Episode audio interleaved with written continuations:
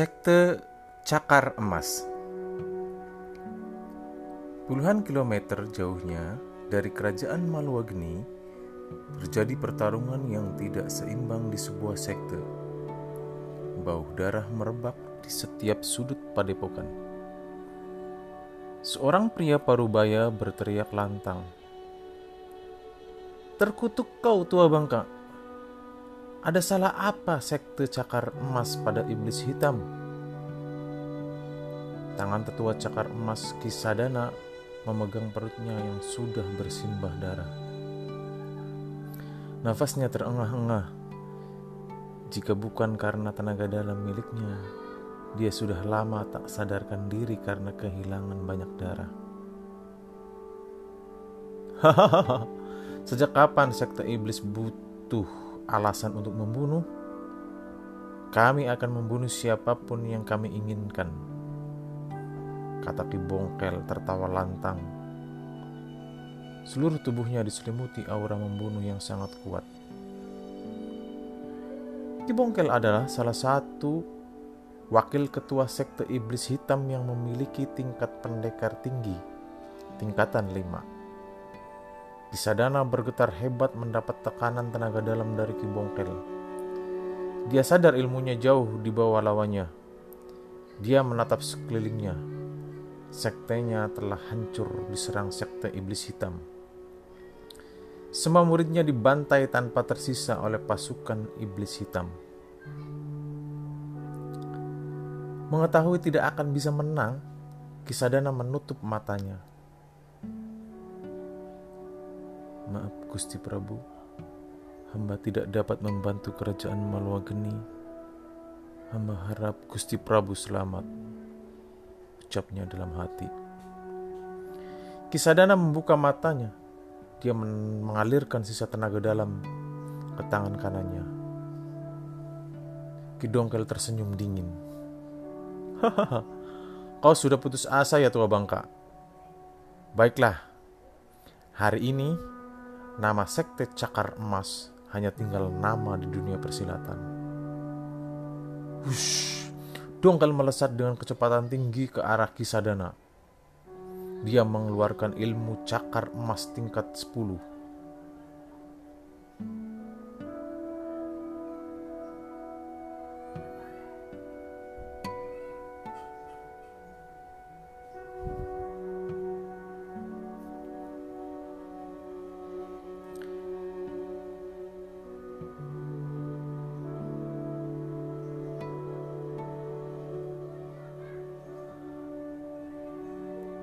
Kisadana menyerang dengan sisa kekuatannya dengan menggunakan cakar emas tingkat 10. Cakar baja punik. Tetapi Kidongkel dapat menangkis dengan mudah. Dengan menggunakan tarian pedang iblis tingkat 2 dengan sekali tarikan nafas dengan ilmu iblis pencabut sukma, pedang wakil ketua sekte iblis hitam langsung bersarang di tubuh Kisadana.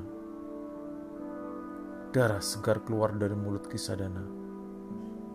Hahaha, tamatlah riwayatmu tua bangka.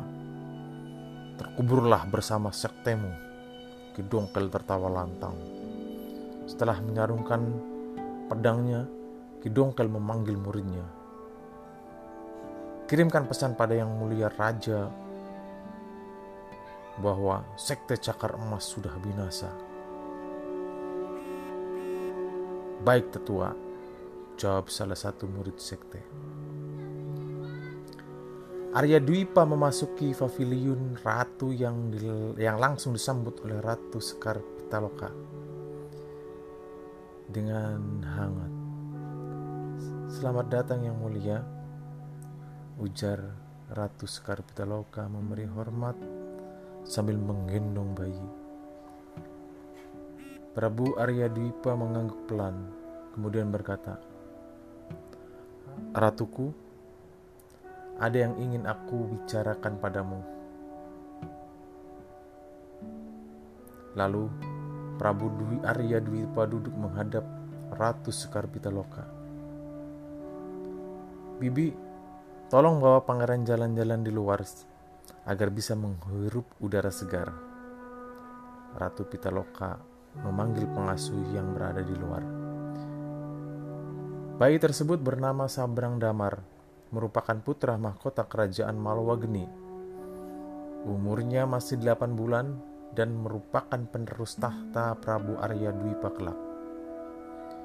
Daulat Gusti, seorang perempuan parubaya berjalan masuk dengan hati-hati, kemudian memberi hormat kepada Prabu Arya Dwipa dan Ratu Sekar Pitaloka sebelum menggendong Pangeran Sabrang. Ratuku, bagaimana perkembangan Pangeran Sabrang? Aku terlalu sibuk dengan urusan kerajaan sampai jarang mengunjungi pangeran. Yang mulia, Pangeran pasti mengerti bahwa tugas raja sangat berat. Dia pasti bangga mengetahui ayahnya adalah raja yang hebat. Ratu Sekar Pitaloka menghibur Prabu Aru Arya Dwipa. Dia melihat raut wajah Prabu Arya Dwipa penuh dengan beban, terutama akhir-akhir ini setelah kedatangan utusan kerajaan Majasari. Raja yang hebat ya. Arya Dipa menghela napas dengan memejamkan mata. Ratuku, mungkin kau sudah mengetahui bahwa kerajaan Majasari meminta kita tunduk pada kekuasaannya. Dan aku tidak sudi untuk tunduk pada mereka. Keadaan keraton sudah tidak aman. Mereka sewaktu-waktu akan datang untuk menyerang. Ratu Sekar Pitaloka mengangguk sambil mendengarkan dengan serius. Aku ingin kau dan pangeran menjauh dari keraton demi keselamatan kalian. Prabu Arya Dwipa berkata dengan berat hati. Ada rasa bersalah di wajahnya melihat permaisuri dan anaknya ikut menanggung beban. Tapi yang mulia,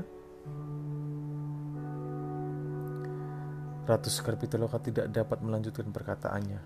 Air matanya menetes keluar dari kelopak matanya Hati kecilnya ingin ada di samping rajanya untuk menghadapi masalah ini. Tetapi terlintas pikirannya wajah lucu Pangeran Sabrang. Bukan tindakan bijak membawa pangeran masuk ke dalam bahaya. Mengetahui ratunya dalam kebimbangan, Prabu Arya Dwipa memegang tangan Ratu Sekar Pitaloka. Besok pagi, Kakang Pati bersama pasukan angin selatan akan mengantarmu dan Pangeran Sabrang ke tempat yang aman. Kau tidak usah khawatir, ini hanya sebentar ya. Prabu Arya Dwipa mencoba menenangkan ratunya, walaupun dia tahu bahwa mungkin ini terakhir kalinya mereka bertemu. Ratu Sekar Pitaloka hanya mengangguk pelan, seolah menyadari bahwa Prabu Arya Dwipa hanya menghiburnya agar tidak khawatir.